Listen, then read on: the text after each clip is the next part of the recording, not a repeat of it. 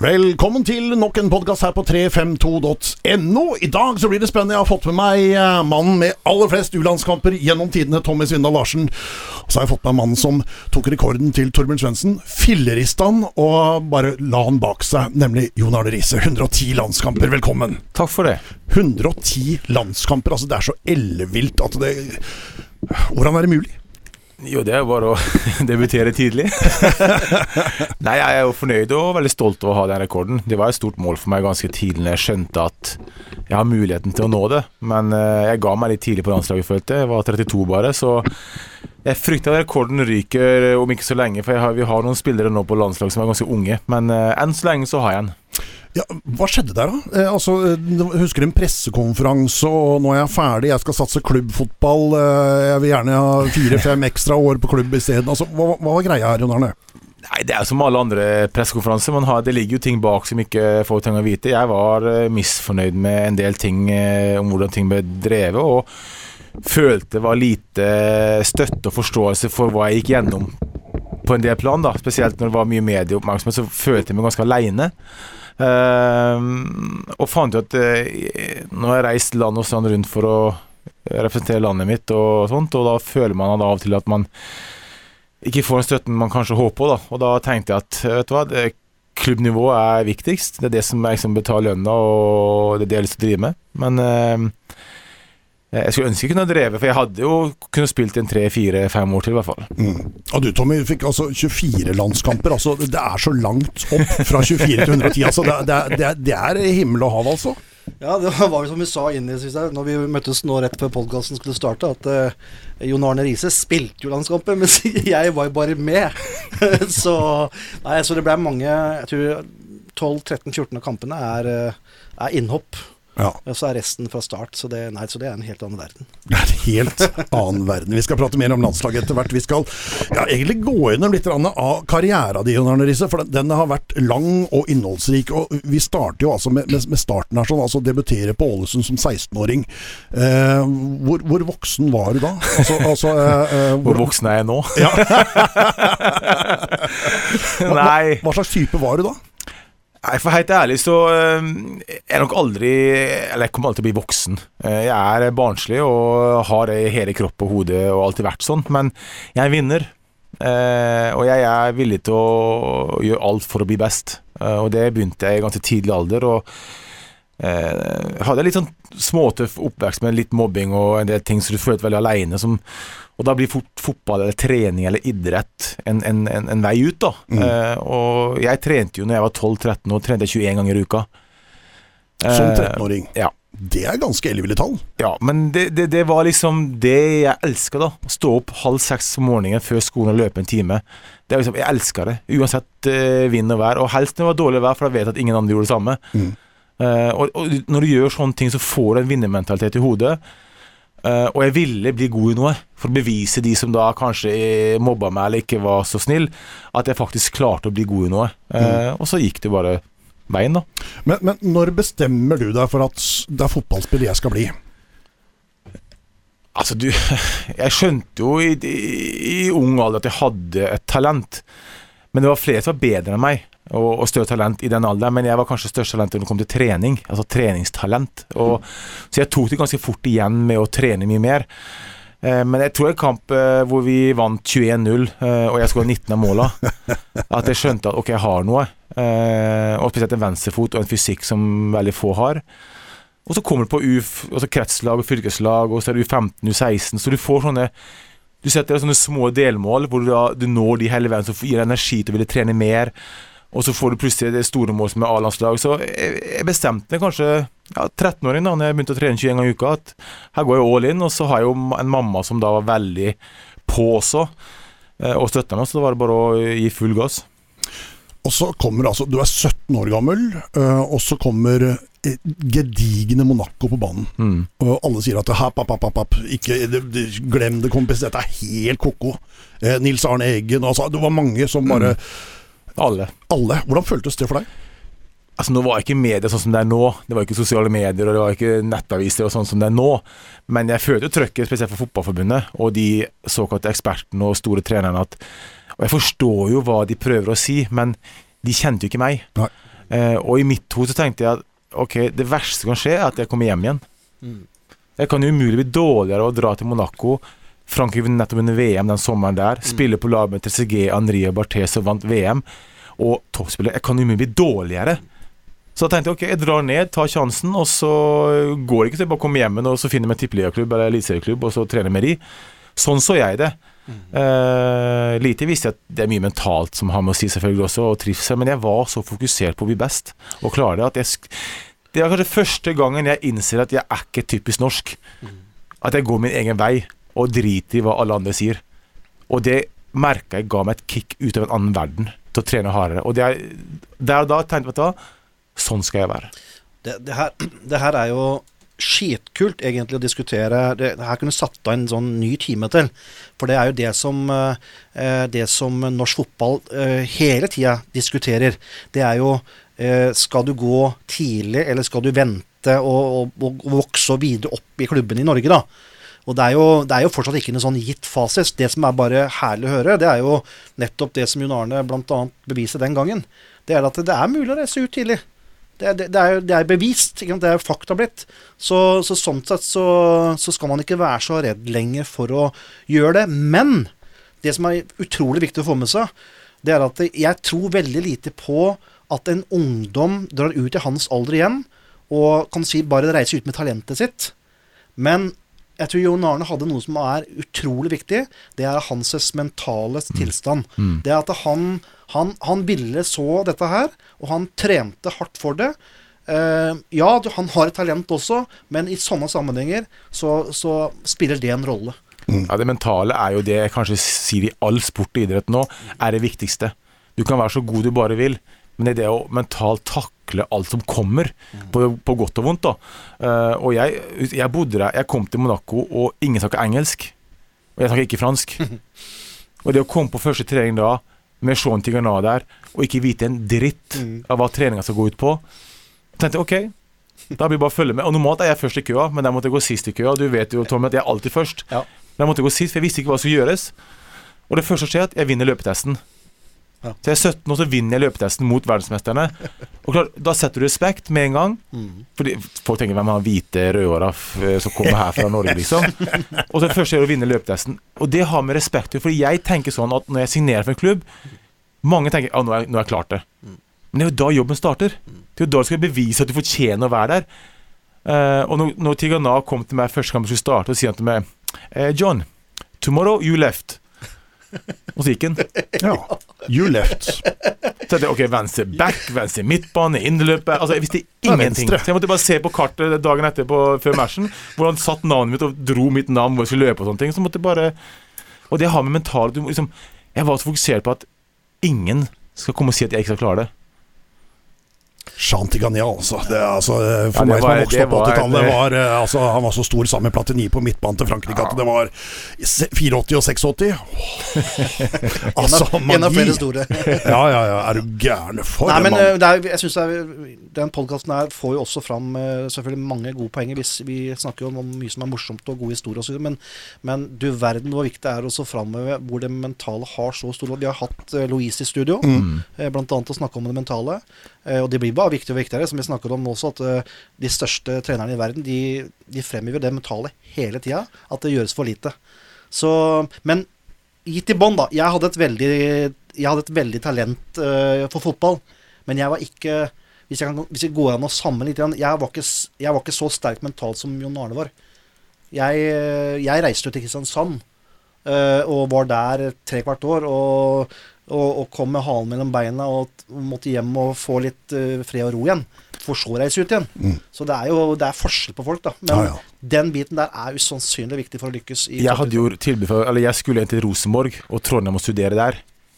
Så jeg visste jo at ok, går ikke det her, så kommer jeg tilbake på skole i Trondheim og så går for Rosenborg.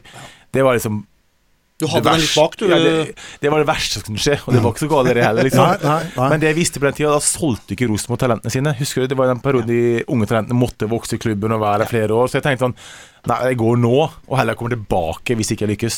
Hva skulle du studere? Jeg skulle bare gå på skole Ja. uh, når den tid kom, men jeg, altså jeg, for helt ærlig Det var ikke sånn på vårs den gangen. Altså, studere hva? Vi skulle Ja. bare være på, med på noe. jeg gikk altså, på, jeg- jeg- jeg jeg gikk på elektro- og allmennfaget. Ja, Så drev du og lodde og sånn. Det var jo øh, elektro. Men jeg skulle bare fullføre skolen bare for å ha gjort det. Men jeg visste jo med meg sjøl innerst inne at jeg kom aldri til å bruke skolen til noe, for jeg kom til å bli fotballspiller. Du, jeg skal ha på varmepumpe hjemme. Jeg trenger en ekstra kurs. Kan du ordne det, Tommy? Jeg kan prøve å lodde noe. Fantastisk. Du, og så kommer du til Monaco, og så, så, som Shanti Ganyan sier, altså You play left. Eh, og så blir det suksess med en gang. Altså Du spiller deg inn på eh, det beste laget i Frankrike første sesong som 17-åring. Altså, det, det, det syke er at jeg blir jo, jeg blir jo sentral midtbane. Ja. Sittende, holdende midtbanespiller. Skal fordele spillet. Og det er klart Vi vant jo serien det året også. Eh, 99-2000, eh, året etter, da. Eh, med Jeg tror vi vant serien fem runder før slutt og sånne ting. Og, det er klart, og da, da, si, da styrte jeg midtbanen. Det er litt feil. Det, jeg ser ikke for meg selv styre, men jeg var liksom den som da rydda opp og løpte og liksom gjorde det der, og fordelte ballene. Og, Gattusso. ja, nei, da, ja, en litt sånn en. Ja.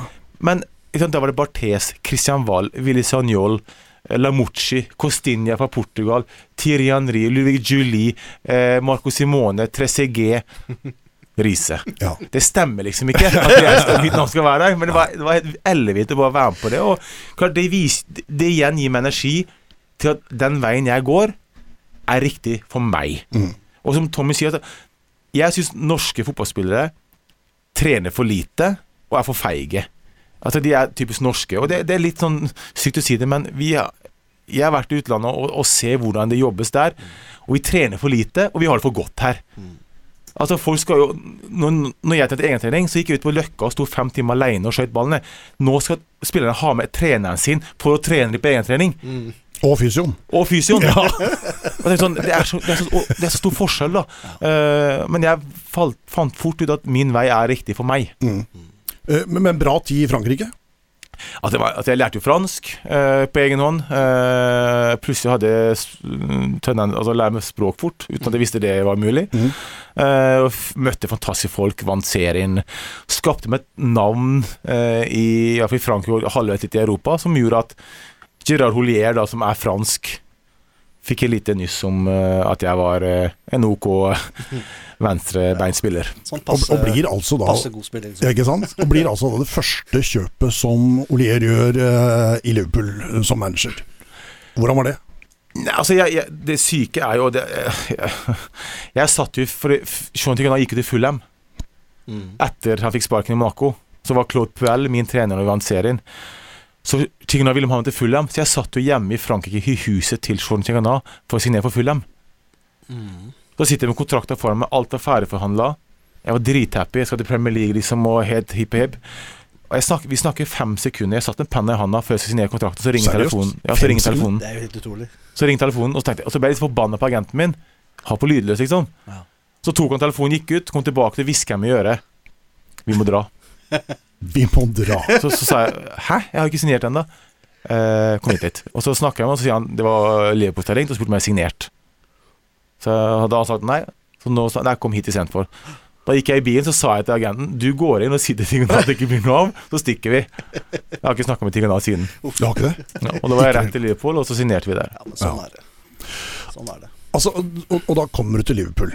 Altså en av verdens mest populære klubber. Jeg visste ikke det da. Visste du ikke det da? Nei. At det var det? Altså, jeg, jeg, var, jeg har aldri vært opptatt av å se kamp på TV. Folk som ja, Hvem var idolet ditt, og hvem så opp til fotball? Jeg har ingen. Nei.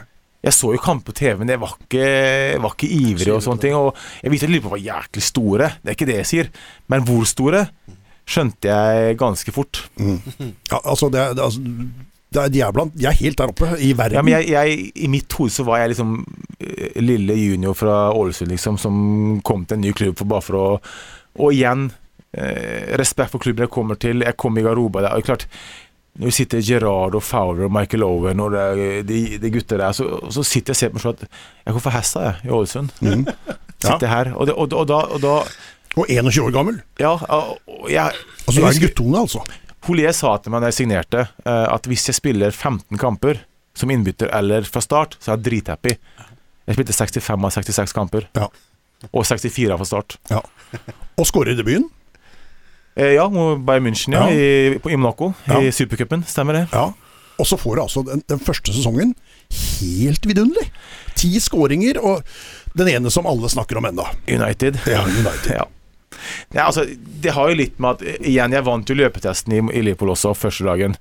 Uh, og igjen, respekt. Uh, og da visste jeg at gutta aksepterte meg med en gang i, i garderoben, fordi jeg kom for å jobbe og vise at jeg er en som har lyst til å klare det. Og hadde den mentaliteten, da. Eh, men det er klart altså, Når jeg ser tilbake på karrieren, så har jeg vært alltid en mann som av en eller annen grunn klarer å prestere i de største kampene, og når jeg må. Og det er snakk om mental styrke. Jeg, jeg bruker sammenligning ofte med golf. da Alle golfere kan spille, men det å klare de slagene, det putten eller et eller annet når du må det Og jeg hadde en tendens til å klare i store kamper, og den United, altså Everton var først. Eh, Skåra borte mot Everton, i Derby der. Eh, Løp hele banen, skåra. Ok, god start. Og så er det United. Klinkeren i vinkelen. Det var sånn Riise mot Solskjær. Alt det greiene der, ikke sant. Og så står jeg og det, sånn, Jeg føler bare at jeg liksom bare er født til å prestere store kamper, da, for jeg gjorde det så ofte. Ja, Altså, det var, altså den, den første sesongen altså, eh, Du så deg egentlig aldri tilbake heller, da. Altså, det, det var bare, det, da var det i gang. Det var nesten litt for vilt, egentlig. Ja. Jeg ble jo kåra til eh, årets spiller i flere supporterklubber og sånt rundt om i hele verden for, for Liverpool. Og eh, et av de beste kjøpa det året. Eh, Men i mine øyne så Jeg jo bare jobben min. Altså. Jeg, jeg gikk på banen uredd. Veldig uredd. Eh, Jeg var aldri nervøs. Jeg visste jeg var fysisk sterk, jeg visste jeg kunne løpe mer enn alle andre. Jeg visste jeg hadde en venstre fot, og så spilte jeg på et godt lag i tillegg, så jeg visste at de fleste kampene dominerer vi, og bør vinne. Eh, men det er klart, mye har med lagkameratene min å gjøre, fordi jeg ble fort venstreback, og når jeg har da Jeg var kanskje den en av de første som starta den venstre- eller back-rollen offensivt. For når jeg kom, så var det Gary Neville og Jamie Carrier og de som aldri gikk over midtbanen. Ja. Så kom jeg og bare opp og ned, opp og ned, opp og ned, og publikum elska det. Treneren, hva faen skjer her, liksom? Plutselig så var det en ny dimensjon der. Ja, og så hadde jeg på laget mitt da Steven Gerrard. Og så jeg kunne Jeg, jeg, slapp, jeg slapp å rope. Ballen bare kom der jeg ville ha den hver forbanna gang. Så det er jo en drøm for en back å komme da. Og bare begynne å løpe. Ja, det er jo det. Så får jeg bare rope. Og så, så er Liverpool altså, det er jo en, en kjempesuksess altså, hele veien. Uh, men så begynner det allerede i 06-07, og så går rykter om og klubber her og klubber der. Og Var ikke fornøyd i Liverpool? Jeg var ekstremt fornøyd. Eh, men det er klart, jeg hadde det ene året med eh, Med Holier før han slutta. Han ble jo syk eh, og måtte gi seg etter hvert. Så var det et halvdårlig år. Eh, problemet er at du blir ofte litt for komfortabel. Mm. Fordi du vet at du har lykkes, og du vet standingen i klubben. At du, du jobber ikke like hardt i preseason. Du føler du gjør det, men du gjør det allikevel ikke. Eh, og det følte jeg i år der. Og så kom Rafa Benitez, som igjen ga meg åh, kick igjen. Så skåra jeg vel åtte eller ni mål det første året med han også, og vant Champions League. Så jeg trengte en ny eh, trener på en måte for å gi meg et kick til å nå jobbe enda hardere. For han kom inn der med slips og var sånn autoritet. Jeg var nesten redd når jeg så Benitez. Ikke sant? Og da begynner du å jobbe igjen. Men det ryktes jo ofte Jeg var jo linka til Barcelona tre-fire ganger. Eh, både Guardiola og et par andre. Og det ble aldri noe sånn lenger enn det, for jeg trivdes veldig godt der. Men eh, så kom det at trener vil jo ha nye spillere. Mm. Det, er, det er fotball. Det, man får sparken i fotball også. Mm. Det er jo det man blir solgt for. Mm. Og det skjedde med meg. Men du fikk med deg altså denne mm, bøtta, da. Den bøtta, altså den eneste bøtta som går an å tenke Den på. som teller. Ja, den fikk du med deg. Ja, ja altså det, Jeg har et bilde på veggen hjemme som, som beskriver egentlig alt på ganske godt. Det er at jeg, etter kampen så mm, går jeg rundt med bøtta. Og så husker jeg å ha den oppe, så kysser jeg den mot Liverpool-fansen. Og det bildet har jeg hjemme fordi jeg husker jeg tenkte meg selv at jeg klarte det. Alt som skjedde før, med mobbing og all trening og alt det der, det er verdt det. Alt som skjer fremover, kunne ikke brydd meg mindre. For ingen kan ta det trofeet her vekk fra meg. Jeg vant det trofeet. Så liksom Alt jeg opplevde på personlig plan og medie og alt det der Jeg kunne ikke brydd meg mindre. Men blir, blir man mett av å vinne det trofeet? Eller er det sånn at dæven, dette vil jeg gjøre igjen? Man vil jo gjøre det igjen, men vi var Vi var jo heldige slash gode også det året der. Men så var vi i finalen i 2007 også mot Milan. Men da følte jeg Inga var mye annerledes, fordi vi hadde vunnet i 2005. Så jeg husker tilbake at jeg følte ikke at det var like stort å være andre gangen. Kan hende jeg ta feil, men jeg, sånn, når jeg tenker på nå, så føler jeg bare at vi burde vunnet andre finalen, de burde vunnet første. Men det er klart, når vi vinner første, så har vi lyst til å vinne andre også. Men eh, å vinne to finaler mot Milan i Champions League hadde vært litt for mye. Da, da tror jeg Cocky Riise hadde tatt helt av her. Åssen er det Sjøl så har jeg vært eh, eh, litt emosjonell på banen. Ja. Eh, men når det kommer til sånne type eventer som du har vært med på eh, Du møter du, du, du har jo Anfield, du har jo Mm. Altså det trøkket stemninga. Altså, ja, så vinner dere sånn som dere gjør, og løfter pokaler. Har, har du rett og slett vært på gråten Mange ganger. mange ganger? Ja, ja. ja. Jeg får frysing nå bare vi snakker om det. Ikke sant? Det, det er fordi jeg vet også ikke bak. Altså, når jeg, jeg har trent ekstremt mye, jeg har gått gjennom ekstremt tøffe ting, både spesielt i media. Eh, og det du ikke legger merke til i media, er hvor mye det påvirker de rundt deg. Mm. Men du tenker jo bare på deg sjøl Ja, ja. når det står dritt om deg. Men jeg er jo blitt mentalt sett Jeg bryr meg ikke Mm. hva de skriver. Pff, de vet, altså La det gå. Men så sitter jeg, jeg er en datter på 19. Jeg er mamma, jeg er en pappa, jeg har to søstre, jeg er en bror. De har barn. De får høre på skolen, ikke sant? Ja. Og det tenker jeg ikke på. At det påvirker de, Min datter kommer jo på skolen og får slakt for pappa er en idiot, ikke sant? Sånn tenker du ikke. Nei, du glemmer det litt. Sånn Du, man glemmer det inntil man legger opp og skjønner faen. Det er såpass, ja. Men i, i kampens hete, så øh, spesielt uh, Chelsea-semifinalen uh, i 2005, så husker jeg at uh, fjerdedommer putter opp seks minutter tillegg. Mm. Og da, da var jeg så sliten at jeg, jeg visste ikke hva jeg skulle gjøre med men så, sånn da publikum Mm. Altså, det rister i bakken av støtte. At da, og da begynte jeg sånn Fikk tårer etterpå. Fikk Også, en eh, voldsom energi, rett og slett. Bare Ja, altså, jeg hadde krampe i 37 plasser, liksom. Men, og ikke minst Champions League-finalen i, i tunnelen før vi går ut. For da står jeg der, siden av Kafu, Maldini, Sjevsjenko og de gutta der, og tenker Hva faen gjør jeg her? Mm. Deilig. Det er da du innser at du har faen meg klart det. Ja, det er helt utrolig. Ja, men Folk skjønner ikke jeg, jeg mener helt ærlig at mitt navn i utlandet er mye større enn det i Norge. Ja. Og respekten. Uten tvil. Altså, det, kom til Asia og Europa, så er liksom mitt navn der, liksom. Norge, så er liksom Jo, men er ikke det janteloven, da? Jo, jo. Jeg, jeg, sånn er det bare. Ja. Jeg, jeg, jeg bryr meg ikke så mye om det, fordi de skjønner ikke hva som ligger bak. Men de utlandet skjønner at det jeg har gjort Tenk hvor få folk som får oppleve det jeg har gjort. Ja, det er nesten ingen. Ja, ja. Det er nesten ingen. Men det er jo det viktigste også, da. Altså, hvis en skal, altså, det er jo mye spesielt med Norge, det syns jo jeg fortsatt også. Det er jo Vi er litt for snevre, vi er litt egne her oppe og litt jantete. Og hvorfor ikke, ny, hvorfor ikke, hvorfor ikke jeg, Når jeg selger ski, da, Mm. Og nordmenn gjør bra, jeg blir jo rørt og jubler og, og heier på de. Hvorfor skal folk snakke folk ned som lykkes? Altså, Vær stolt av det. Ja. Vi er et lite land, altså. Og fotball er vi ikke kjent for å være jækla store i. Så noen lykkes da med Champions League eller Liverpool-legende, whatever. Vær stolt av det. Istedenfor skal vi trykke hverandre ned. Og det er Jeg har bare gitt opp. Det funker bare ikke. Eh, Nei, det er nesten klin umulig å gjøre noe med. Ja. Eh, men jeg er helt enig. Sånn er det bare. 2008 så er du altså ferdig i eh, Liverpool. Mm. Sparken, Du- Sparken? rett og slett. Ja, Ble det sparken? Ja, det blir jo det når du får beskjed av treneren med ett år igjen av avtalen at de har kjøpt en ny venstreback og tenker at uh, vi bør skille lag og få ny utfordring. Ja, er, er du bitter? Jeg forstår uh, Benitez hvorfor han sa det til meg, og jeg respekterer Benitez for å være ærlig med meg. For når han kalte på kontoret og sa eksakt hvordan det var. Han prøvde ikke å gå rundt grøten og finne på unnskyldninger. Sa bang, sånn er det. Han kjøpte Dosena for 8-9-10 millioner pund. Jeg hadde ett år igjen, kunne være, men så vet jeg like også meg at det er seks måneder til jeg får sjansen, fordi han nye skal spilles inn. Mm. jeg kunne ikke risikere å sitte på benken i seks måneder. Eh, så vi ble enige om det, og jeg snakka med agenten min og sa gi meg tre dager, jeg fikser klubb til deg lett. Så gikk det ikke lang tid før Roma kom på banen. Så jeg fikk sparken, men jeg har jo kontakt med Benitez en dag i dag. Ja. Og det er fordi jeg respekterer han som trener og menneske, fordi han var ærlig. Ja, det er, eh, det er for få dem der ute. Ja. Men, eh, ja. Og så går ryktene da på at det var altså en mammutkontrakt i Roma. En, Mammutkontrakt, altså helt enorme summer som, som ikke dagens summer. Nei, men i datidens fotball så var det en veldig bra kontrakt. Altså jeg, jeg, det skal jeg si helt ærlig, jeg har aldri forhandla Mm. En kontrakt. Jeg har sagt til agenten min bare signer. Mm.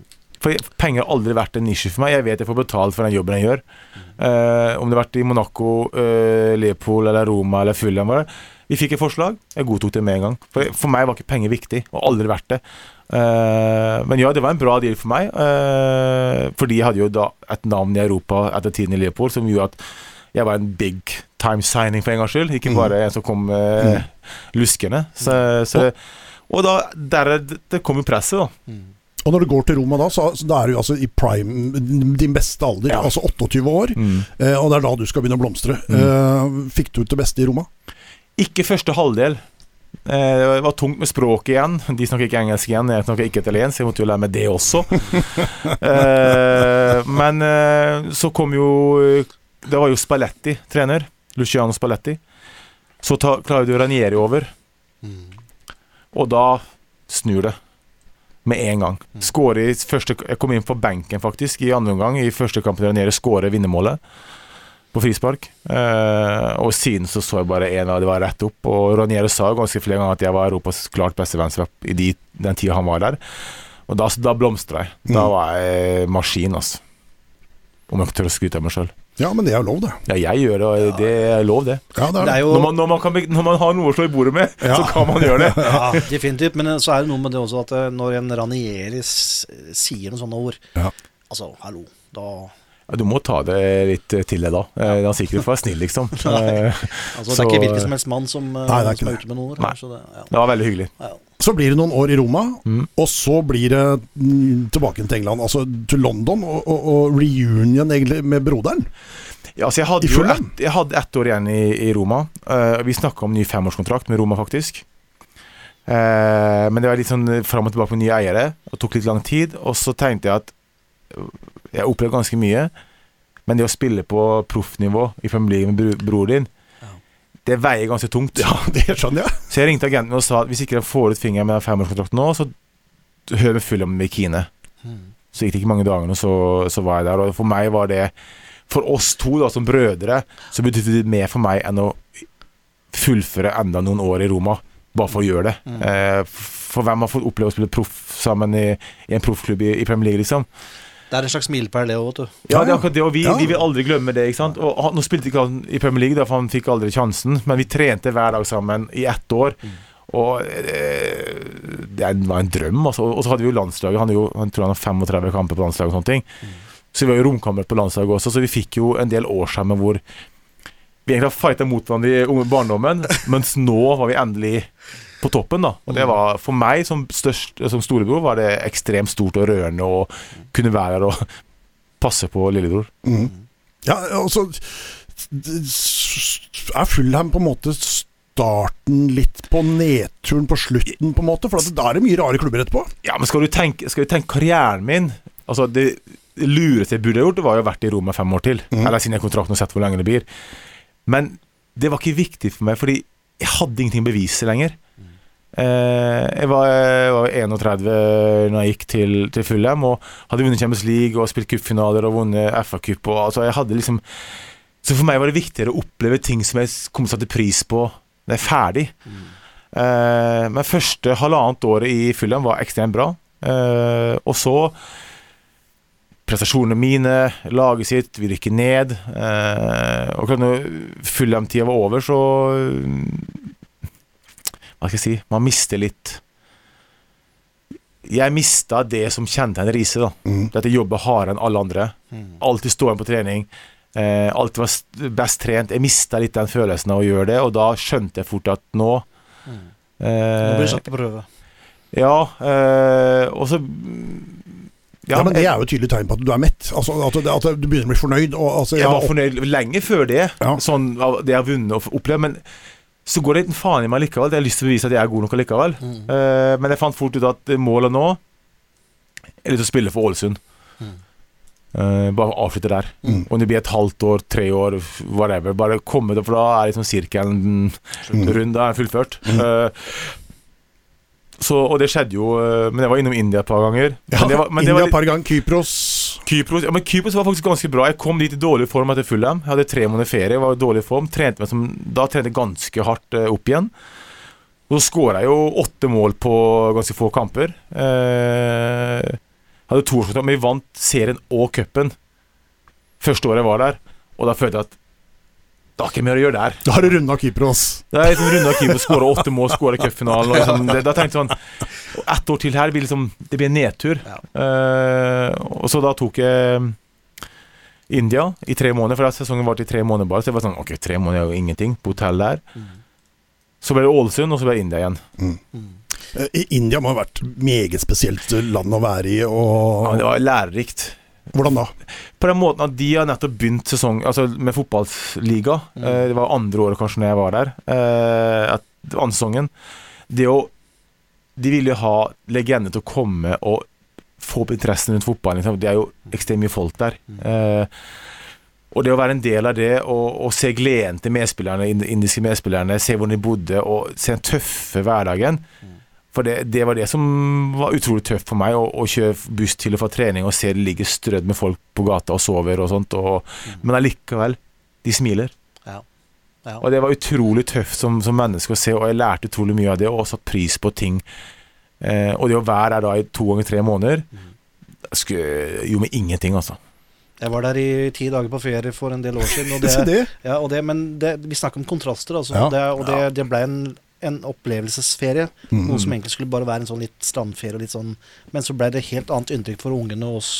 Nettopp det som Jon Arne sier, da. Mm. Så, men jeg tenker at eh, eh, er det ikke litt naturlig også at når du runder 30 og blir par og 30, er ikke det litt naturlig at du også da, som du sier, da, prøver litt andre ting? Det er ikke, det er jo ikke der du kanskje skal liksom Nei, enda videre, på en måte? At du tester litt og opplever litt og ja, så var, men så var det sånn når jeg gikk til Ålesund, for eksempel, eh, så var jeg ganske bestemt på at her skal jeg spille noen år. Ja. Men i mitt hode da var at jeg skulle spille midtstopper. Mm. Fordi jeg har spilt midtstopper i India. Eh, jeg har hodestyrke, jeg leser spill, jeg har god venstrefot. Jeg følte at perfekt. Mm. Så kom jeg til Ålesund, og så vil Trond Fredriksen ha meg som spiss som nummer ti. Og jeg, jeg Jeg må bare gi lyder, da. Og så, og så går ikke det så bra, og så blir jeg satt som sentral midtbane. Mm. Her, her er en spiller som har vært på toppnivå i Europa i mange år som venstreback. Mm. Og så ødelegger du hjemkomsten, da, Mm. vil jeg si, Ja. med å misbruke hvor jeg skal spille. Mm. Og han mente, og det mener han den dag i dag, de som spilte Mistopp, var bedre enn meg. Altså, ingen disrespekt til disse varene, men helvete, mann. ja, Ja. det jeg Og det gjorde at jeg mista fullstendig lysta. Og det har jeg sagt også utad, at at jeg spilte ti-tolv kamper. Fikk alle ganger vi tapte, var jeg som fikk skylda for mitt navn. Og det takler jeg, men jeg ble aldri støtta av Ja, men sett meg der, da. Sett meg der, da. Sett meg der, da. Så jeg mista all lyst. Så jeg bare et, Vi hadde ferie, og da ringte jeg til klubben og sa vet du, jeg er ferdig. Det, Og, og, gjør jo ikke det spesielt bra med Ullkisa nå, Trond Fredriksen. Nei, altså nå jeg føler jeg ikke med Trond Fredriksen. Jeg føler med Jeg, jeg skal ærlig innrømme, jeg føler med Obos-ligaen nå ekstremt. For jeg vet at det er en del trenere som sliter, mm. og jeg sitter og klør i fingra. Mm. Ja. Men jeg, jeg vil ikke at noen trenere skal få sparken. Jeg syns det er hyggelig, men jeg tenker meg sjøl, og øh, jeg er veldig gira på å få en Obos-klubb og vise hva jeg kan som trener. Og øh, jeg føler at mange klubber er så opptatt av de kursene. Ja, du må ha pro-kurs og A-kurs og alt det der. Jo, det er vel og bra, det. Men fordi du har kurset, øker det en bra trener. Det å ha 25 års erfaring på toppnivå gjør heller ikke det. Men det er en fordel å ha spilt med en del trenere som vet som kreves, og du har lært sjøl, føler jeg. Så jeg bare venter på en liten åpning, så er jeg der. Men du har jo da altså, ved å gå til Ålesund og spille i Eliteserien, så har du altså da ødelagt en av de beste fotballquizene som fins. Hvorfor det? jo, fordi Altså, quizen er som følger. Kan du nevne tre spillere som har eh, mer enn 25 landskamper, og som eh, har vært proff i utlandet, men som aldri har spilt norsk eliteserie? Da var jo du en av de. Nå har du ødelagt det. Nå er det bare Halvard Thoresen og Hans Herman Henriksen igjen. Så du har jo fucka opp hele greia. Ja, det beklager jeg virkelig, altså. Ja. Hvorfor skulle du Ja, absolutt hjem der? hvorfor det, liksom? Ja, men Det som var så sykt kult, det var at måten det skjedde på, hvor fort det skjedde. Eh, å gå til Ålesund. Jeg syns det var dritkult det som skjedde. Mm. Eh, dessverre, og det, det legger skjul på, det, det ble ødelagt av Mm. at jeg ble budt på feil plass. Og du kan si hva du vil om det, men det er fakta. Eh, og broren min sa jo, han var jo kaptein da, og han sa også det flere ganger. Sett den på mistopper. Mm.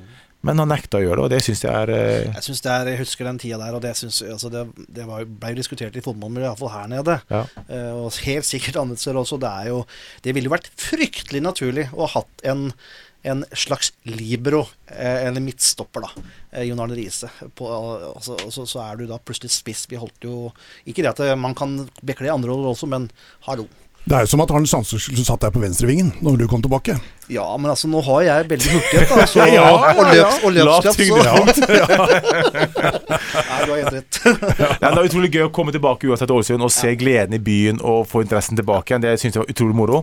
Spille med bruderen igjen og være hjemme. For det har vært mye kluss med Ålesund og Riise-familien og alt det der. Så det var liksom en perfekt måte å få slutt på det. Skulle bare ønske at Jeg er sikker på at jeg kunne spilt det enda.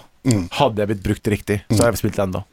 Er det noe når du ser tilbake på den lange karrieren eh, som du angrer på, sånn rent klubbmessig? Bytte ditt, gikk dit, ikke gikk dit, noe sånt noe? Altså Jeg er ganske klar på at uh, man kan gjøre mye, mye rart opp gjennom i livet, men jeg mener at man gjør ting for en grunn. Uh, og det gjør det til mennesket man er i dag. Så jeg angrer ikke, men kunne man gjort andre valg? Kanskje, men jeg er veldig fornøyd med hvordan jeg er som person i dag, så jeg føler de valgene gjort, er riktig. Er det noen klubber du kunne ha gått til som, som du angrer for at ikke du gikk til? Altså, jeg, jeg spilte jo for vanvittige klubber, da, så jeg var veldig heldig. Ja. Men det er klart, eh, Barcelona var interessert. Mm. Men da trivdes jeg så godt i Liverpool at jeg, jeg følte at eh, Sånn spillemessig kanskje ikke var så mye steg opp, kanskje, fordi vi var jo Vi kjemper Champions League, vi også, men Barcelona er liksom Barcelona. Men eh, det kom aldri til noen kontraktgreier og sånne ting. Men jeg vet at de ventiserte, så det har vært kult å gjøre det. Mm. Men jeg er ekstremt fornøyd med at eh, jeg fikk oppleve spesielt Monaco, eh, Liverpool ikke minst, og Roma. Mm. Fulham også, og de andre klubbene. Men Roma, altså Jeg drømte om å spille med Totti og se hvor stor han egentlig er. Mm. Og folk har ikke sjans å skjønne hvor stor han er før du opplever det, sånn som jeg gjorde i tre år. For han er så stor, han, at, du, at det er det villeste jeg har vært med på. Altså, Gerard er stor i Liverpool, også, men du kan ikke altså, Tieren i Roma, det er ingen som slår. Altså, De er legender uansett.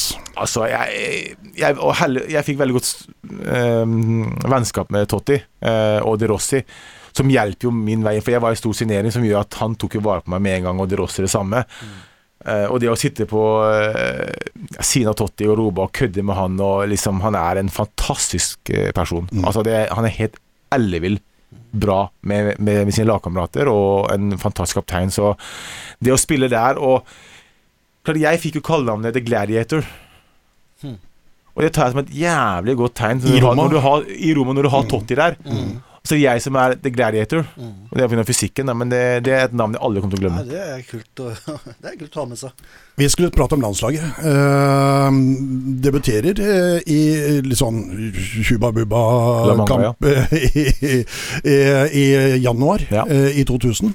Mm. Eh, og noe av det første du gjør med landslaget, er å få et mesterskap. Ja.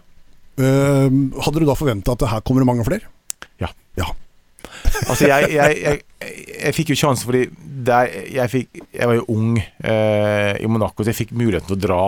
Og vi hadde jo pause, jeg fikk lov å dra på den samlinga der det var egentlig bare norske spillere som, som var. Ja, Og det gikk mye rykter om at jeg, skulle, at jeg var moden for det, da. Så jeg fikk en sånn samling og gjorde det greit der. Ble kalt inn til Tyrkia-kampen, som var neste som store. Da skåra jeg. Så målet var å bli satt ut i troppen til EM, eh, men jeg visste jo ingenting før uttaket. Så når jeg satt på radioen og hørte navnet bli ropt, så begynte jeg å gråte. Eh, for det er liksom 20 år å få endelig gått et mesterskap. Men i mitt hode, da, så Jeg mente jeg skulle spille, ikke sant. Jeg er jo jeg, Mange så ja, han skal være som lærer, læregutt og vannbærer og alt det der. Nei, nei. Jeg mente jeg skulle spille. Mhm. Og det er litt sånn, sånn jeg laga. Men du fikk med deg mesterskapet. Mm. Eh, og så har du fått med deg altså 110 elleville landskamper. Hva, hva, mange nedturer selvfølgelig, pga. at vi ikke kom til disse mesterskapene. Hva, Mm. hva sitter du igjen med? Hva er høydepunktene etter uh, landslagskarrieren? Høydepunktet er å spille med flagg på brystet. Det var altså Mange tenker ja, men det er ikke så viktig som å spille på Liverpool eller United, sånn, men det betyr Det er noe ekstra å gå ut der på Ullevål stadion og vite at det er for, for landet ditt. Eh, nå, det gjelder kjipt å ikke vite at vi klarte å gå til flere mesterskap. Vi var utrolig nære flere ganger, men Mm. Jeg fikk på sånn energi av å gi absolutt alt da i alle kamper. Samme pokkeren altså, hvem vi spilte med, så var liksom det Jeg følte vi var underdogs i hver kamp, jeg, fordi vi er et lite land. Ja. Uh, men det å gi klart Når du har et navn gjennom Liverpool og Roma, og kommer på landslaget, så vet du at forventningspresset er der. Det folk glemmer, sånn som med meg, da, at jeg var venstreback. Jeg skal aldri dominere en fotballkamp. mm, Det er ikke jeg som skal styre en landskamp. mm, Altså jeg, min, ja, jeg går offensivt drag, men det er ikke jeg som skal styre kamp. Og det verste jeg visste etter, et sånn, etter landskampen, var Perfekt defensivt, bidro lite offensivt. Ja. Så tenkte jeg sånn Vet du hva jobben min var på kampen, eller? Det var å holde tett defensivt, det. Og og sånn der, så man får jo forventningspress fra utenfra fordi man gjør det bra på klubblaget, men jeg, altså, jeg elsker det, og land, spille for landet litt er noe helt spesielt. Og så er det altså da 110 landskamper. Det blir en del mål her også. Mm. Eh, er det noen mål som du husker bedre enn andre på landslag? Husker jo alle, men Det gjør det. For der er Tommy, der er Tommy naken. Han husker ikke noen ting, vet du. det Det er er ikke noe 16, 16 mål. Det er klart, jeg, jeg, Hellas eh, var en kanon eh, hvor jeg la den i vinkelen. Jeg tror det var 2-2 hjemme. Den likte jeg. Men det Jeg likte å gå på Ullevål. Mm. Jeg syns det er utrolig moro. Eh, For det var jo veldig sånn fram og tilbake om det kom fullsatt, ikke fullsatt og det greiene der. Men eh, eh, jeg var jo Altså Folk kaller meg venstreback, men jeg var jo egentlig ikke det. Det var venstre kant mer. ja. Jeg Altså, var wingback. Ja. Eh, jeg hadde min styrke fremover og brukte Altså, jeg kan si en ting Når jeg møtte Cristiano Ronaldo, da Du legger opp taktikk personlig, hvem du skal møte, ok, hva skal jeg gjøre. Jeg visste at, han, at jeg er fysisk bedre enn han med å løpe. Da tenker jeg ok, enten så må jeg få han til å løpe bakover, altså hjemover defensivt for å sliten ut, eller så må jeg gå og la han være igjen. Det endte med at jeg da gikk, skapte to mot én for oss. Problemet er at når vi tar ballen, så står jo Ronaldo alene på min side. Men da må jo laget kompensere og prøve å holde. Og liksom, sånne ting elsker jeg å gjøre da, mot de beste. Ha sånn taktikk og vite ok, jeg gjør det, men da gjør han det, og så må jeg øh, kompensere på det. Og hvis han følger meg, så blir han sliten før meg. Og så, altså, sånne ting før og under en kamp. For det går jo tusen tanker gjennom hodet ditt i en kamp. Ja, ja. Men, det er, men det, er, det, er, litt- det er morsomt, da. Eh, også en sånn eh, det, type debatt man kunne hatt med disse detaljene. Altså, hvordan hver enkelt spiller tenker også i sin rolle, og hvem du skal møte, og hvordan du skal takle det. Én ting er jo det kollektive, hva du får beskjed om av treneren, og sånne ting, men så blir det sånn at eh, ja, ja, men jeg skal passe på Ronaldo, jeg. Og så, så får du noen sånne Men det er lettere for meg for min del å passe på Ronaldo enn f.eks. Theo Walcott. da Ja.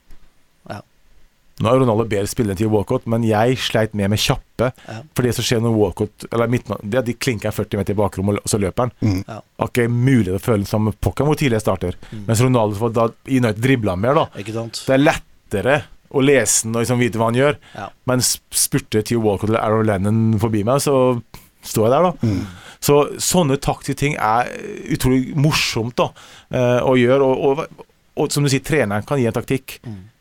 Men du vet aldri hvordan fotballkamp blir. Mm. Og det er en duell det er, det er jo mange dueller og kamper i kampen Ja. som du må løse sjøl med din smartness i hodet. Og det er det jeg prøver å lære gutta mine i Flint også nå.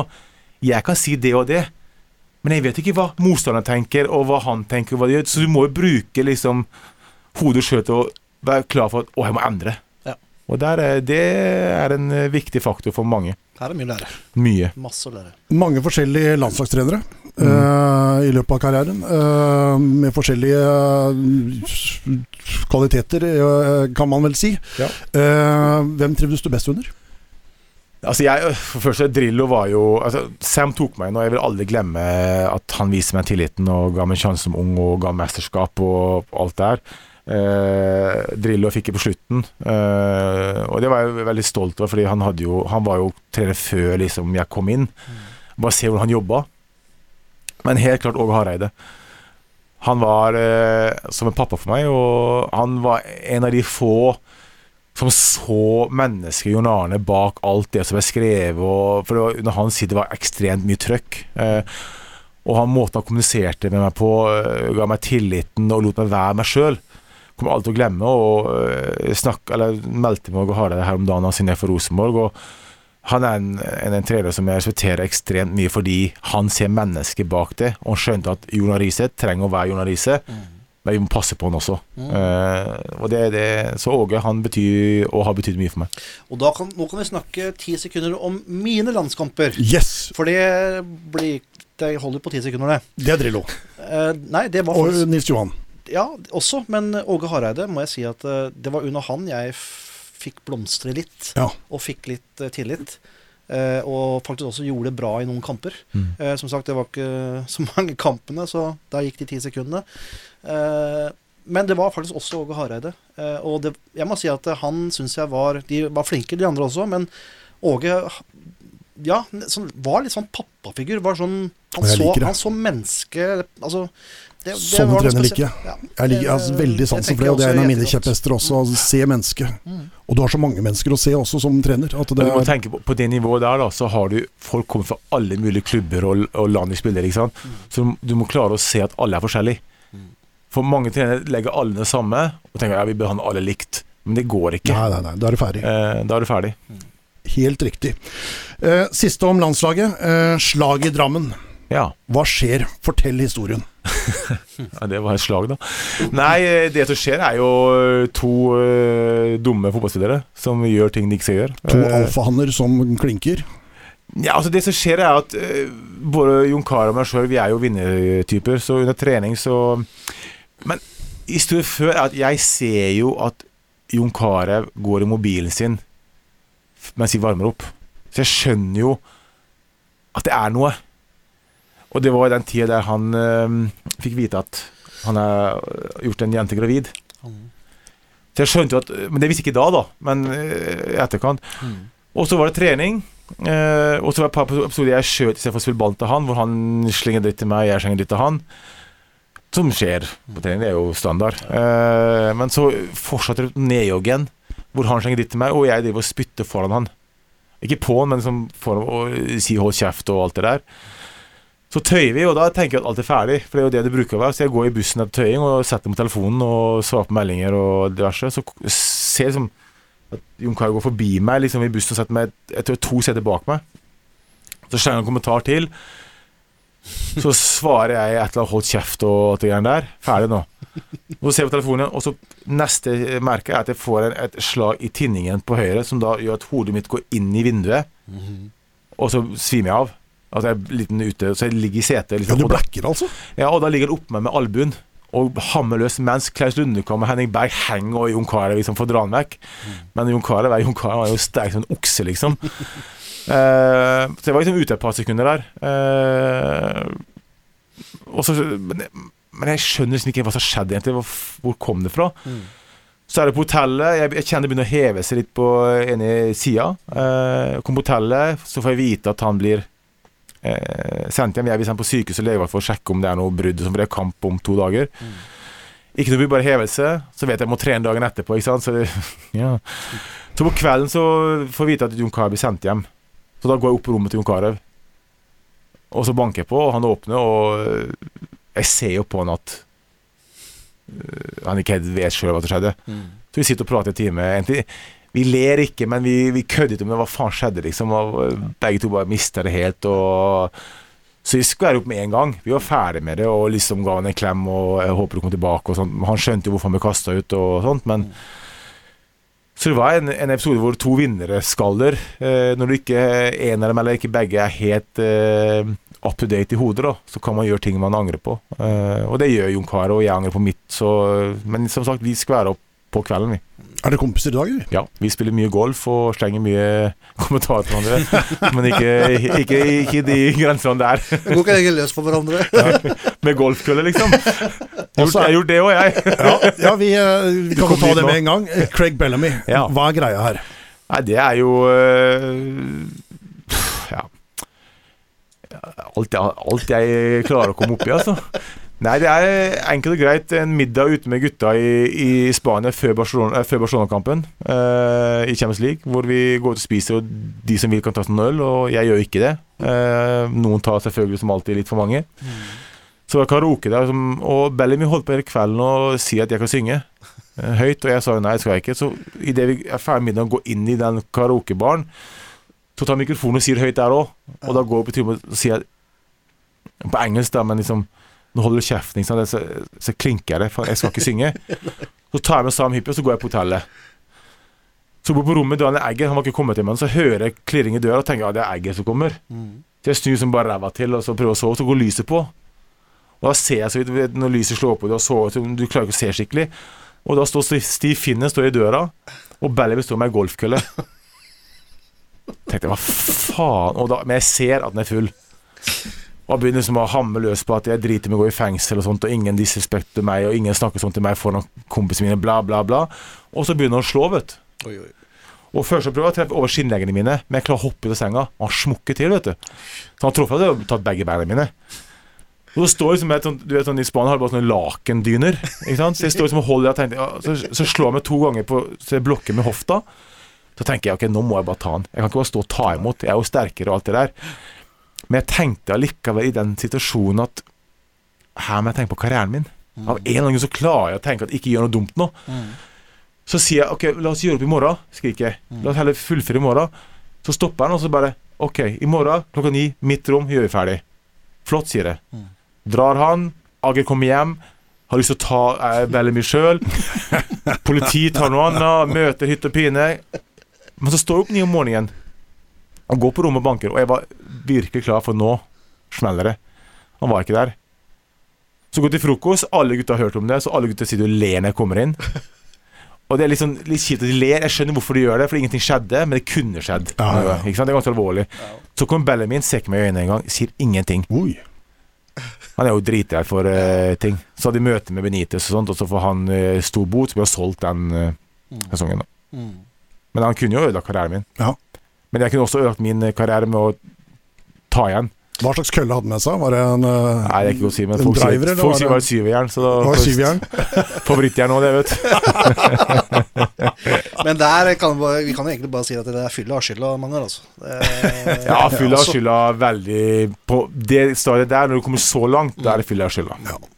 En av grunnene til at du har kommet hit i dag, det er fordi at du bor jo ganske i nærheten. Ja. Altså, du, vi er jo i samme fylke, Ja. i Vestfold Telemark. Trener for Flint i tredjedivisjon. Yes. Hvordan er det å gå fra det profesjonelle og ned til amatørene eh, i tredjedivisjon? For det er det vi er.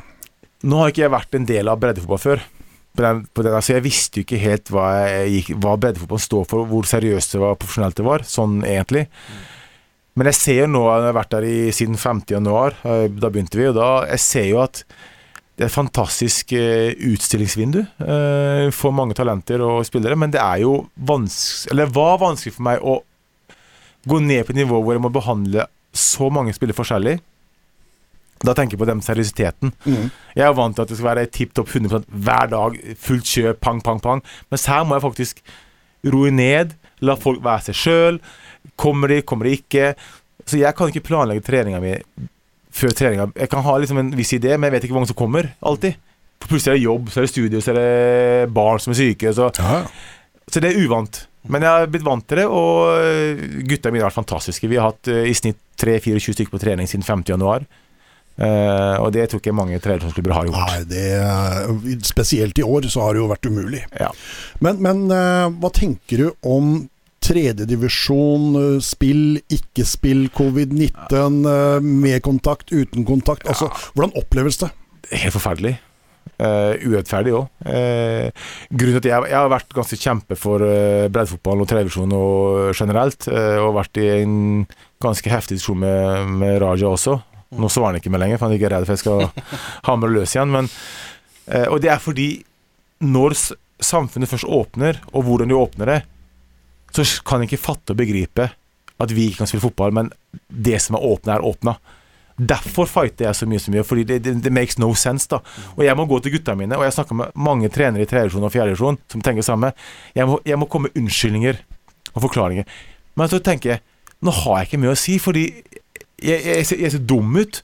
Og de gutta skjønner de skjønner ikke poenget. med, jeg kan gå og feste, jeg kan drikke meg full, jeg kan reise til inn- og utland, jeg kan gjøre det og det og det, men jeg kan ikke springe og bli sunn og frisk på en fotballbane. Så, så, så jeg kan ikke si meg til gutta mine, for det blir for dumt. Ja. Så, så de har mista motivasjonen sin. Eh, så jeg ga de to uker fri, eh, hvor du får lufte hodet litt. Men vi begynner på mandag igjen, og da er det fullt kjør igjen. Klarer, de, klarer du å motivere de, eller klarer de å motivere seg for oss å fortsette med den trening? Altså 25 mann på trening hver gang, selv om man ikke det, de får har gjort spille? det så langt, og jeg tror det Jeg snakket litt med Tom Jeg tror det har litt med at det er jeg som er trener. Mm. At jeg syns det er kult, og jeg tror mange som har lyst til å bli noe, ser muligheten til å bli For hvis de gjør det bra med meg, så kan jeg hjelpe dem videre. Og det har jeg sagt til gutta. Jeg kan få dere videre opp i andre Oboser der hvis dere presterer for meg.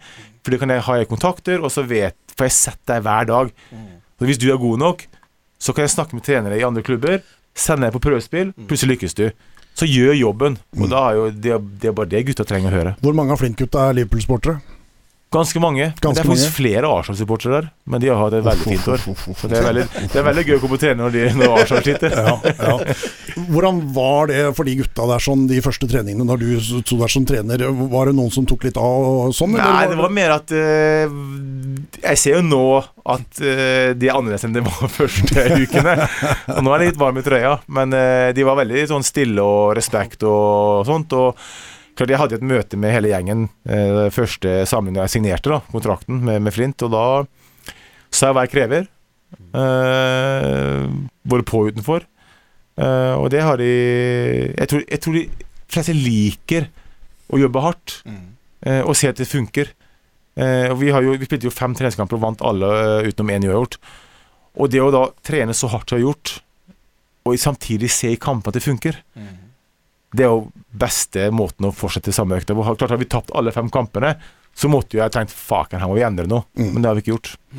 Og så er det altså da moderklubben til vår trener, Jan Frode Nordnes, Ja. eh, som er hjertebarnet hans, på en måte. Ja. Eh, og så vet jeg at du har spurt om å få lov til å komme opp på feltet hos Jan Frode og så få lov til å lære litt der.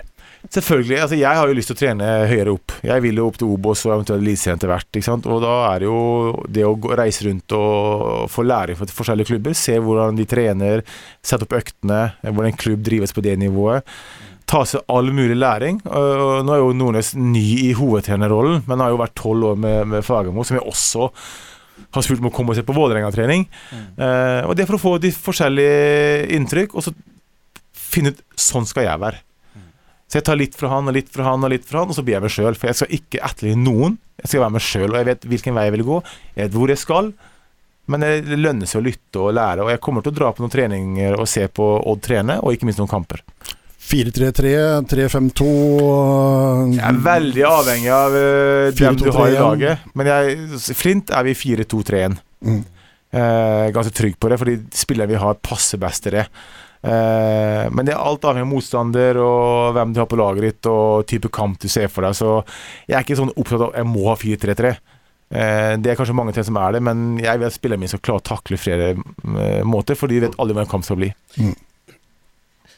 Jeg føler at Eller det er litt samme situasjon som jeg har vært oppi med Jon Arne Riise i forhold til nå at han har Flint. Jeg hadde Porsche den gangen, og det er samme nivå, kan du si. Og ehm, jeg, jeg skal ikke være noe belærende, jeg skal heller ikke være noe ekspert, men han, han er jo ved et veiskille nå, tror jeg, da. Eh, og det vet han sikkert best, best sjøl, men det er litt sånn som Jon Arne sier, at, og som jeg også hadde det og fikk det. eh, fordi man skjønner at det er sånn det er i den divisjonen jeg har på dette nivået. Du Altså, mest sannsynlig i Flint, sånn som det var i Porsche, så vil du ikke få så mye eh, penger, eh, kompetansen så som så. Eh, ba, altså barn- og ungdomsavdelingen vil, må, må ha trenere men De er viktigere. Og så videre. så videre. Så det, det du til slutt ser på, det handler ikke nødvendigvis om å være, om, være den beste treneren i forhold til å vinne kamper, det kollektive, men det handler om, som Jon Arne sier, sier sjøl, det å få fram én eller to som kan ta steget videre. Det er det du virkelig kan få til på disse nivåene. Sånn som jeg også hadde det i Porsche, når vi fikk fram en Tobias Lauritzen f.eks., som nå er en, begynner å bli en klassespiss etter hvert. I Odd kommer helt sikkert til å bli det. Mm. Så, så, og da hører jeg at han nevner allerede Obos. Så eh, det er jo et skille der på Når du, når du tenker Obos nå, Mm. da har du plutselig trener. Ja, du vil få fram enkeltspillere der også, selvfølgelig så vil du det. Men da er du plutselig i den nære manager-trenerrollen som han Så jeg, jeg er en vinner. Mm. Altså jeg, jeg, Hele livet mitt altså jeg skal bli best. Samme faken hva jeg driver med, om det er golf eller biljard eller hva det er for noe. Så jeg er en vinner. Og som du sier, ja, jeg det er litt annen rolle enn hva jeg så for meg hva en breddefotballtrener er. Mm. Fordi breddefotballen, yngresavdeling, er viktigere. A-laget er egentlig ikke så viktig. Mm. Vi, blir, altså, vi er viktige men, fordi unge ser opp til oss, men det å få fram unge talent og få de opp, det er det som er viktigst i den klubben. Og det synes jeg er veldig lærerikt. Jeg lærer utrolig mye, men egoistisk sett så er jeg en vinner. Og jeg sitter og ser ekstremt mye på Obos-ligaen og Tippeligaen nå for å se hvordan norsk fotball er for å lære meg det. Og jeg ser så ufattelig godt hva jeg har å til, tilføre til det eventuelle laget jeg får. Både av motivasjon, entusiasme, energi, trening. Og ikke noe disrespekt til de trenerne som er der, men jeg føler at den veien jeg har gått, var mer læring for meg enn kanskje den rollen de har gått. Eh, så jeg gleder meg til å ta fatt på, og, og alt har med å få sjansen. Mm. At du får en klubb som tør å satse på en som ikke har pro-kurset. En som er litt sånn eh, Nå har jeg roa meg ganske mye ned, og det er litt bevisst Mm. i media, fordi jeg har lyst til å bli sett på som seriøs trener, og det er jeg. Mm. samtidig, men samtidig, er en klubb meg, så vet jeg det blir masse PR rundt det, det blir medieoppmerksomhet, det blir sponsorer som blir interesserte. Mm. Det er mer trøkk rundt det, og mer entusiasme, entusiasme og energi. Og Mm. jeg er ny og ung, Mm. og er 24-7. Jeg syns det er litt for mange trenere som går litt på rundgang. Mm. Eh, de samme hver gang. Vi trenger noe nytt nå. Jeg er Ja. dritkeen. Og så, nevner du Obos og Eliteserien, men eh, det er vel ikke mer enn et halvt år siden jeg leste at uh, om fem år, da skal jeg være manager i Premier League. Jeg gjør det samme som, jeg, som trener som jeg gjorde som jeg spiller. Du har kortsiktige mål og langsiktige mål. Mm. Noen er hårete, men faen, det er bedre å ha hårete mål og prøve å satse enn å ikke ha noe i det hele tatt. Så de kortsiktige målene er selvfølgelig noe Flint, lære der. Obos, eliteserie. Utlandet, om det blir Sverige, Danmark, Belgia, Sveits, hvor enn. Mm. Frankrike. Men Premier League er selvfølgelig det store, store målet der fremme. Uh, og jeg håper Fem, fem år er ganske kort tid. Ja, uh, jeg tenker litt sånn, men altså. Ja, syv, da. Og så er jo også landslag også en, en, en, en, en, en, en drøm i, i langt der frem i tid, fordi jeg har såpass mange kamper som jeg har, så jeg, liksom, jeg vet hva det betyr Mm. å lede laget. Eh, så, men eh, store drømmer er bra å ha, for det, det gjør at du er på tå hev. Og så får folk si om det er hårete mål eller han er latterlig, kommer til å skje. Den har jeg hørt før. Jeg har alltid likt det. Jeg har alltid likt det. Eh, vi skal ha litt utenomsportslig, og så har vi fått inn en del spørsmål på Facebook som jeg skal Ja. stille deg. Eh, altså, du har vært veldig mye i vinden opp gjennom alle år, eh, fordi du sier at du, du roter deg alltid bort i et eller annet. Ja. Eller jeg gjør det til alle de fleste andre også har gjort i sitt liv, men eh, poenget mitt blir skrevet om. Ja. Det er, mer, det er den veien jeg ser det. Jeg har ikke gjort ganske mye annerledes enn det mange andre gjør i gata. Nei. Jeg har skilt meg og giftet meg, det har mange andre gjort. Jeg har havnet i økonomiske greier, det har mange andre gjort. Jeg har valgt feil person å jobbe med, det har mange andre gjort. Men fordi det er Jonas Riise, så er det jævlig interessant å lese om. Så det er sånn jeg ser på det. Ja. Jeg smiler ennå. Nei, men det er jo et jævlig godt poeng. Ja, ja, men det er jo det. Eh, altså, altså, eh, altså, hvordan, hvordan klarer man å altså, Når man tjener 30-40-50 millioner i året, hvordan klarer man å Så mye har jeg ikke tjent, men det er greit. Ja, altså, I Roma da, da går ryktene på at du hadde rundt 30 millioner. Nei, det hadde jeg ikke. Men jeg hadde mye. Ja. Men ja. Ikke så mye. poenget er at når du Hvordan altså- klarer man å gå konkurs, da? Ja, Konkurs er jo veldig enkelt. Det er bare å glemme å betale regninger. Ja. Som vi ikke vet om, og så blir det jo konkurs selv om du har eh, økonomi til å betale det. Mm. Problemet er at, eh, sånn som for min del, som de fleste vet, så valgte jeg feil agent en periode. Mm. Gunnar Martin Kjenner. Nei. Einar Bårdsen. Einar Bårdsen. Einar Bårdsen, Ja. selvfølgelig. Mm. Eh, og da eh, Det er klart Når du får beskjed fra advokatene dine om at han har lurt deg for 40 millioner nesten Mm. Det er 80 millioner netto, det er brutto. Mm. Mm. Hvor du tror du har faktisk tjent opp og investert noe, så har han forfalsket underskriftene dine. Mm. eh, bla, bla, sånne ting. Og når du får vite det uten å visste om det klart Du får et slag i trynet. Du er Mm. 25 år, 26 år og får vite det, liksom. Mm. Så klart, jeg har gjort ekstremt en del dumme valg. Eh, man har gifta seg, som også koster, selvfølgelig, og masse greier. Men helt, helt seriøst, penger bryr meg ikke. Jeg har levd et fantastisk liv. Jeg har opplevd alt jeg ville som fotballspiller. Jeg har kunnet kjøpe meg det jeg ville. Eh, greier. Å sitte med 30-40-50 millioner 80 år Ok, jævlig kult, men se livet jeg har levd, da. ja. Ja. Men altså, ja, men Ja. altså på godt og vondt. Ja. Altså, ja, mange, mange sier at du er dum som ikke har penger du har gjort. Ja, men det har skjedd. Mm. Jeg kan ikke gjøre noe med det. Jeg må se fremover. Og det gjorde jeg når jeg fikk beskjed om de, de 40 millionene også. Tenkte, ok, da slo jeg i bordet. Jeg gråt i ti sekunder. Slo i bordet. Ok, jeg har ti år igjen. Dere fikser hvor dere skal betale det. Jeg går og trener. Mm. Så gikk jeg og trente. Mm. Jeg gidder ikke å bruke tid på som, det, hva som skjedde. Ja, jeg kunne lært av det, men Mm. det er ikke alt du kan styre. Mm. Du velger jo folk å jobbe med som du føler du kan stole på, for du tror på dem, og så blir du lurt. Shit happens. Ja. Life goes on. Du gifter deg. Funker ikke. Ok. Mm. Jeg må gå videre. Oh, ja, unnskyld. Nei, nei altså det, ja, jeg synes det bare er Det er én ting som er interessant i det bildet og det er det at eh, jeg har alltid vært sånn sjøl òg, da. Og jeg har gått på en smell eller to, jeg også. Men det, er- det blir ikke skrevet om, for det, det er ikke Vi snakker jo om Arne Riise og Tommy Svindal. Men poenget mitt er at eh, Det er forskjell på Nürnberg og Liverpool. Ikke sant? Ja. Men jeg tenker at eh, jeg har Jeg har, jeg har Altså, jeg tror på folk, da. Mm. Jeg er godtroende. Naiv. Ja, kall det gjerne naiv òg, ikke sant? Eller dumsnill, eller Ja, det er veldig ofte jeg får. Ikke sant? Ja, men altså Men Det er jo en bra ting å stole på folk. Ja. Men så er det en eller annen jævel som lurer deg. Og så får du dritmye trøbbel med det. Mm. Det er synd Straff, straffa er jo at uh, når det kommer til penger, så, så, så er jo straffa tøff å ta. Selvfølgelig, for du mister alle pengene du har tjent opp på sånne ting, eller er brukt på de det sto på feil folk. Men eh, hva skal jeg gjøre? Skal jeg greie med det, da, eller? Mm. Skal jeg sitte og gråte i 20 år, da? Mm. Eh, jeg har gjort mye dumt og kunne endre på det, men jeg har gjort de valgene jeg har gjort. Da må jeg stå for det. Og så eh, har jeg ganske bra liv. Jeg har fire barn. Jeg, flott kone nå. Jeg har vært gift tre ganger. Ok, skilt to ganger. Mm. Men folk ler av det, men de tenker at hvor mange andre som har gjort det samme? Ikke sant? Men de, de tenker bare 'Å, Riise dumme mann'. Men jeg er snill. Mm. Men det er ikke noe, det er ikke noe Altså, hallo, hallo, tenker jeg nå. Det er ikke noe Det kan ikke være noe tvil, Arne, om at eh, både vi som har spilt rundt deg, og alle som kjenner deg, vet jo at du er en bra mann. Jo, og, og det men, det som er bare, ja, men det er bare det at det liksom Ingen har noe med, selvfølgelig heller, om du er skilt én gang, ti ganger, eller Nei, nei. Men det blir jo den der greia da med den medieskiten som gjør Media har en større rolle enn de tror. ja. Media kunne ha hjulpet så mange folk til med å unngå å skrive så mye, Mm. men de tenker bare på å selge. Mm. Hvis vi ser på årsskiftene, ikke sant. Jo, jo, men, men så, så, så, så har jo du raka inn noen penger for å stille opp i disse bladene også. Jeg tar ikke noe penger for å stille på blader. Ikke aldri noen Se og Hør-penger. Aldri tatt noen penger for Er å stille opp. eneste kjendis i Norge som ikke har fått Nei, penger for å stille opp? de Hør? tilbyr reiser og andre ting og sånne ting, men for meg er det sånn Når du gjør en feil, da, så kan media tenke Ok, hvis jeg skal skille meg, da, for eksempel. Tenker de som sitter og skriver saken, hva det vil gjøre med barna mine, Nei. med meg, med familien min, familien til hun jeg skal skille meg fra, ungene der, søsken der. Nei, nei, nei. Ingenting. Nei, nei, de tenker nei. på klikk. Ja, ja. Ikke sant? Og Ja, ja. det er forskjellen. Eh, Vi er, ja, vi er, kom, vi, er kom, vi er egentlig der nå at eh, verden er jo nå helt annerledes. Ja. er mye råere.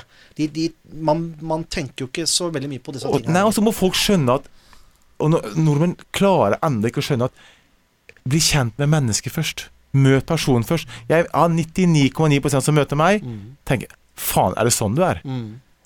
Ja, Og tenk sånn, ja, men for faen, Hvorfor gidder du tro på hva som står i media? Liksom, Media har en jobb. Ja.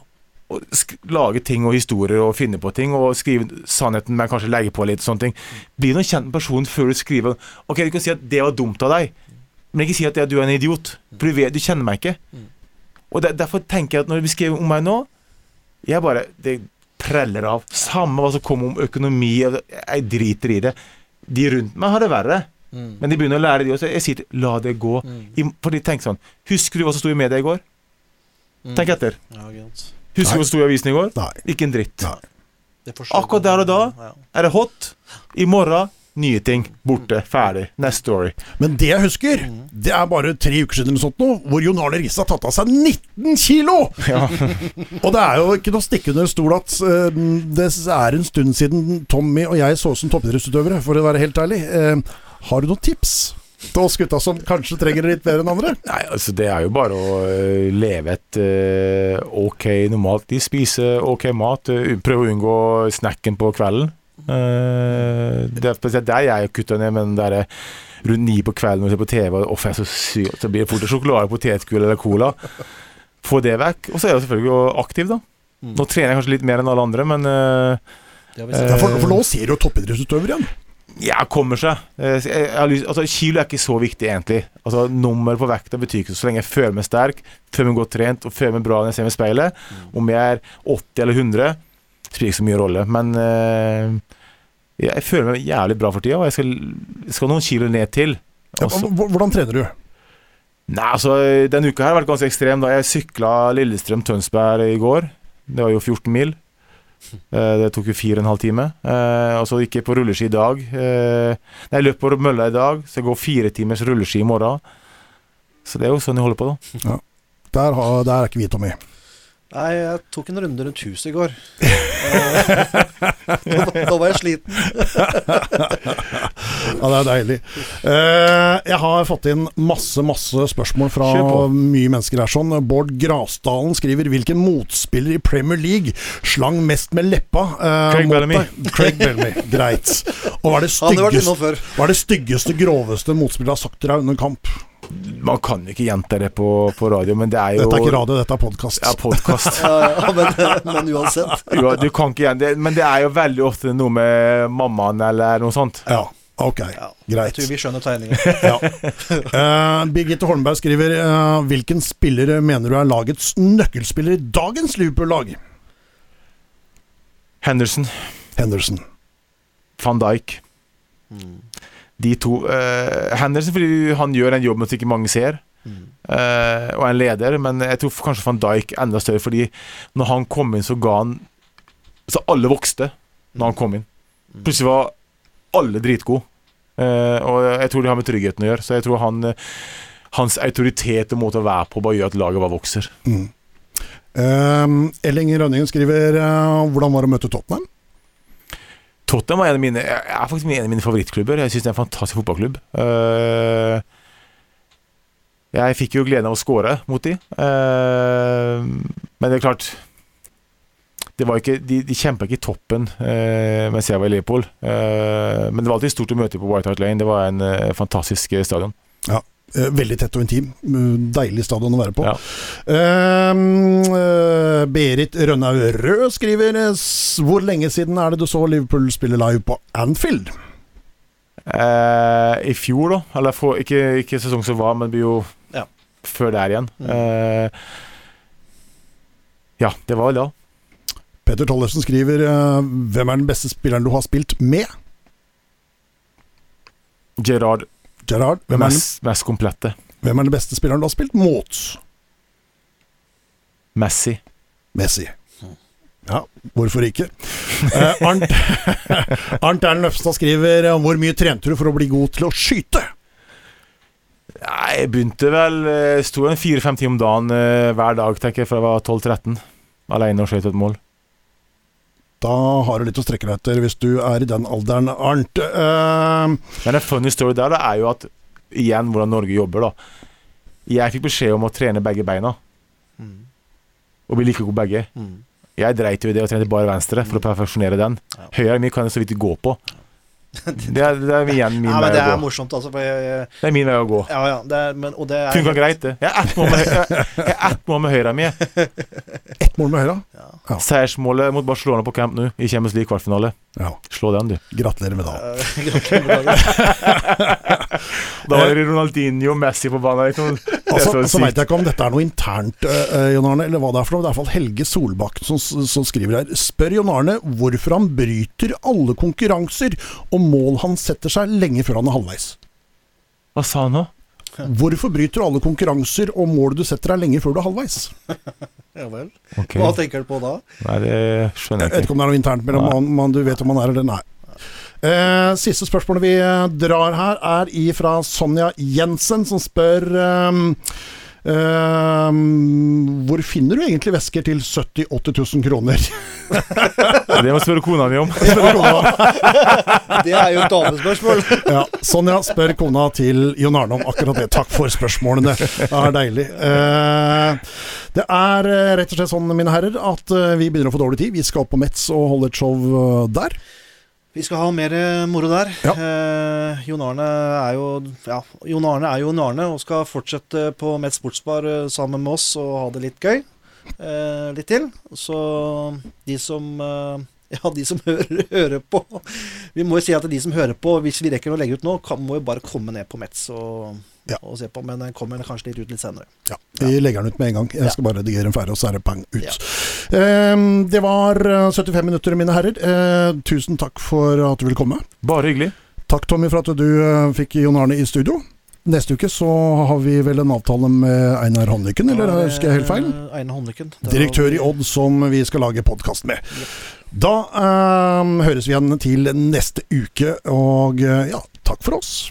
Takk for oss.